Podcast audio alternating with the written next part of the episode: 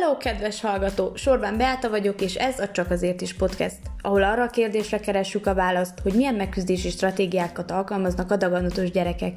Tartsatok velem!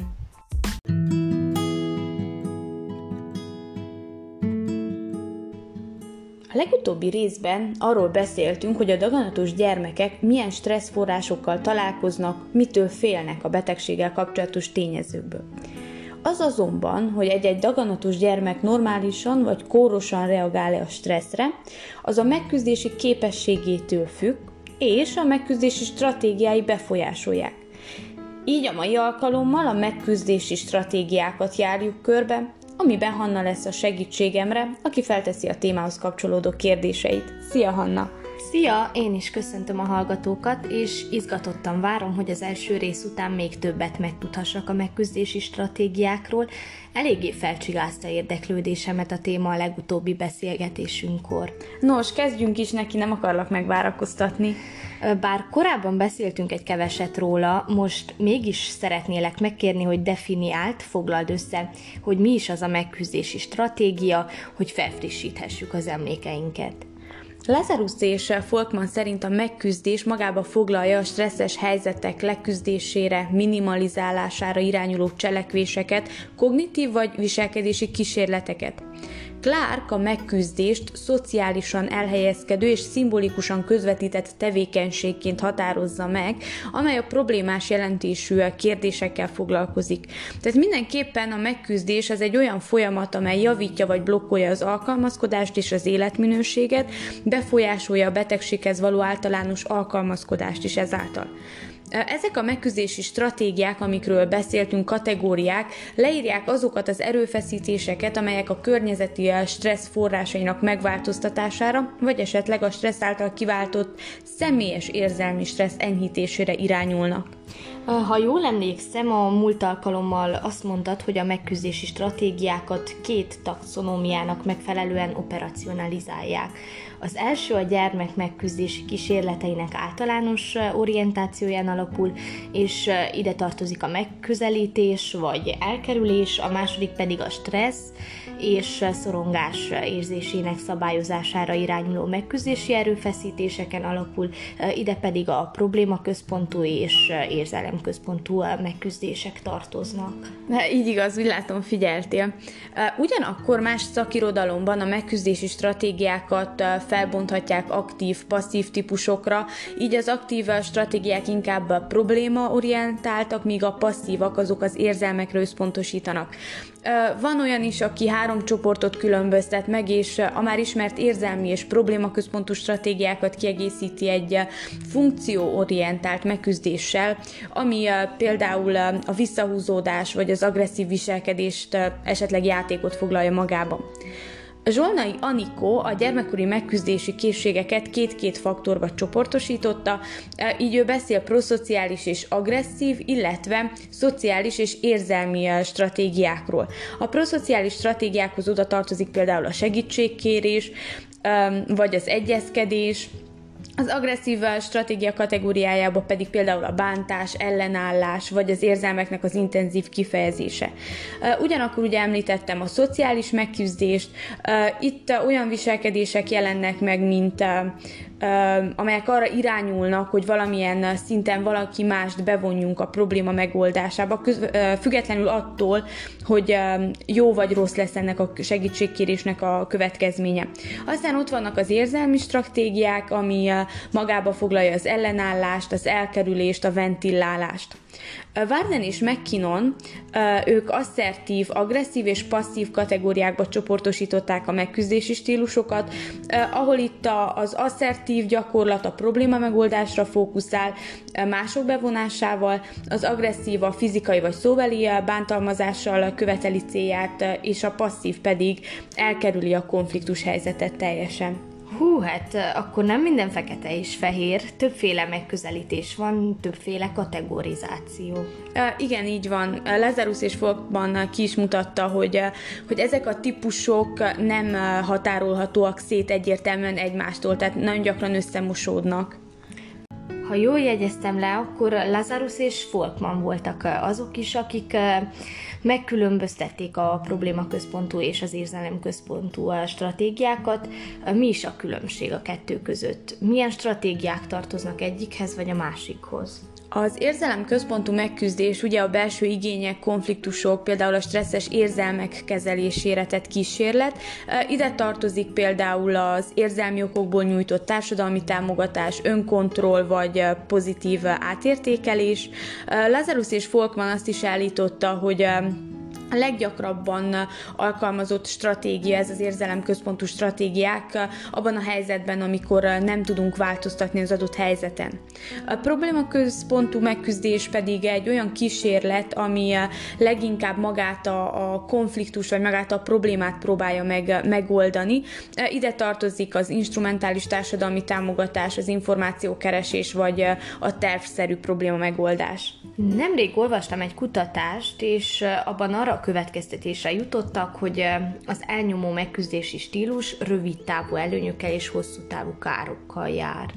Igen, a szakirodalom azt sugalja, hogy az akut stresszorok esetében az elkerülő megküzdés előnyösebb lehet, míg a krónikusabb stresszorok kezelésére adott megküzdés ez a jobb alkalmazkodási eredményekkel társul. De nyilván vannak olyan kutatások is, amelyek pont az ellenkezőjére mutatnak rá. Volt egy olyan tanulmány, ami megállapította, hogy a gyermekek feledékenységet, figyelemelterelést alkalmaztak, vagy az idősebbeknél megfigyelték, hogy hajlamosabb hajlamosabbak önuralomra, vagy eh, az elfogadást alkalmazni, hogy nyugodtak maradjanak, és hogy ezek az eredmények eh, eh, nem voltak összhangban az általánosan elfogadott nézettel, amit te is említettél, hogy az elkerülő stratégiákat alkalmazó gyerekek rosszul alkalmazkodnának a krónikus stressz helyzetekben. Mi az, ami befolyásolja, hogy a gyermekek milyen megküzdési stratégiákat használnak?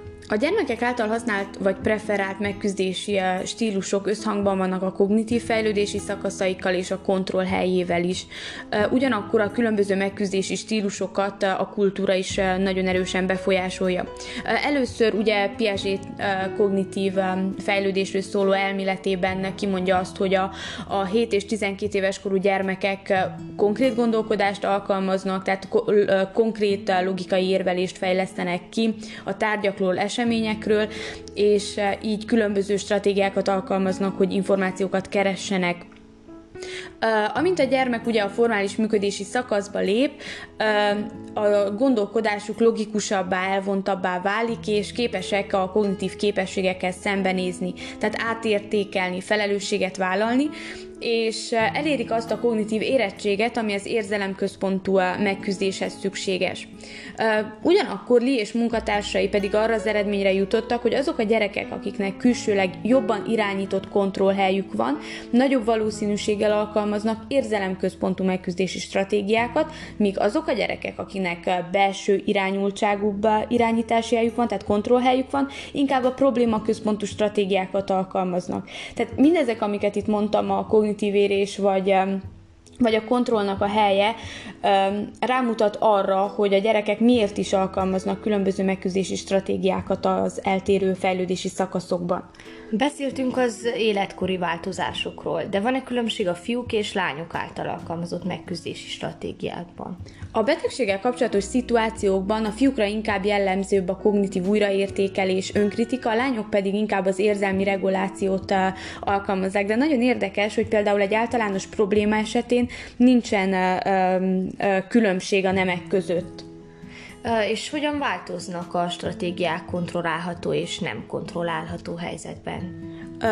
Az észlelt kontrollhoz kapcsolódóan megállapítások azt sugalják, hogy a jobban kontrollálható stresszorok esetében az olyan stratégiák, mint például a figyelem vagy probléma központú megközelítés, egyfajta jobb alkalmazkodáshoz kapcsolódik. Azonban a kontrollálhatatlan stresszorok esetében inkább az érzelemközpontú megküzdést alkalmazzuk. Miért tartott fontosnak, hogy ismerjük a gyerekek által alkalmazott megküzdési stratégiákat? Annak ismerete, hogy a gyermek hogyan birkózik meg a rákkal, döntő lépés a megfelelő pszichológiai beavatkozások megtervezése felé, és ugye ezek fognak segíteni, megkönnyíteni a rák kezelésének terheit. Mi az, ami befolyásolja a megküzdést? Hú, hát például az is, hogy hogyan tekintünk a betegségre. Például Peterman szerint a betegséget ötféleképpen értelmezhetjük.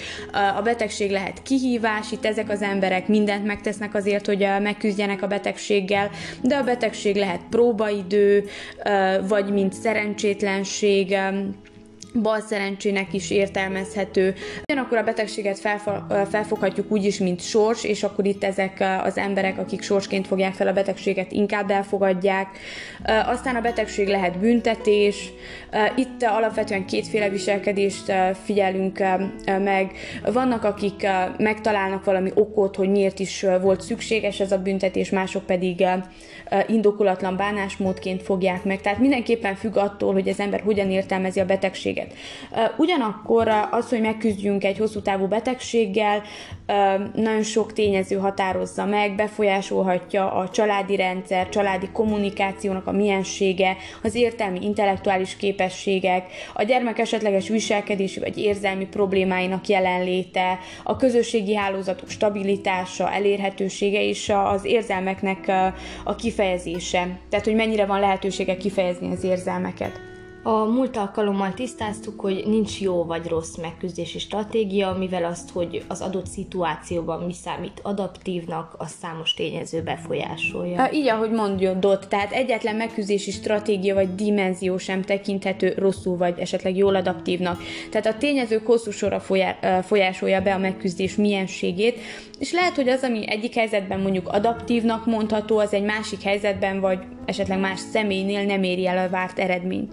Tehát mindenképpen a betegséggel való hatékony megküzdés csak akkor lehetséges, hogyha a beteg hatékonynak, kompetensnek érzi a saját problémáinak megoldását. Azt kell mondanom, ismét egy tartalmas beszélgetésen vagyunk túl. Köszönöm szépen válaszaidat. Hát örülök, hogy sikerült választ adnom a kérdéseidre, és hát köszönöm, hogy ezek által beláshattuk magunkat a megküzdési stratégiák, hát valljuk be olykor bonyolultnak tűnő világában. És neked is köszönöm, kedves hallgató, hogy velünk tartottál. A következő epizódtól elkezdünk külön-külön foglalkozni egy-egy megküzdési stratégiával. Elsőként a vallásosság és az ima szerepét veszük górcső alá.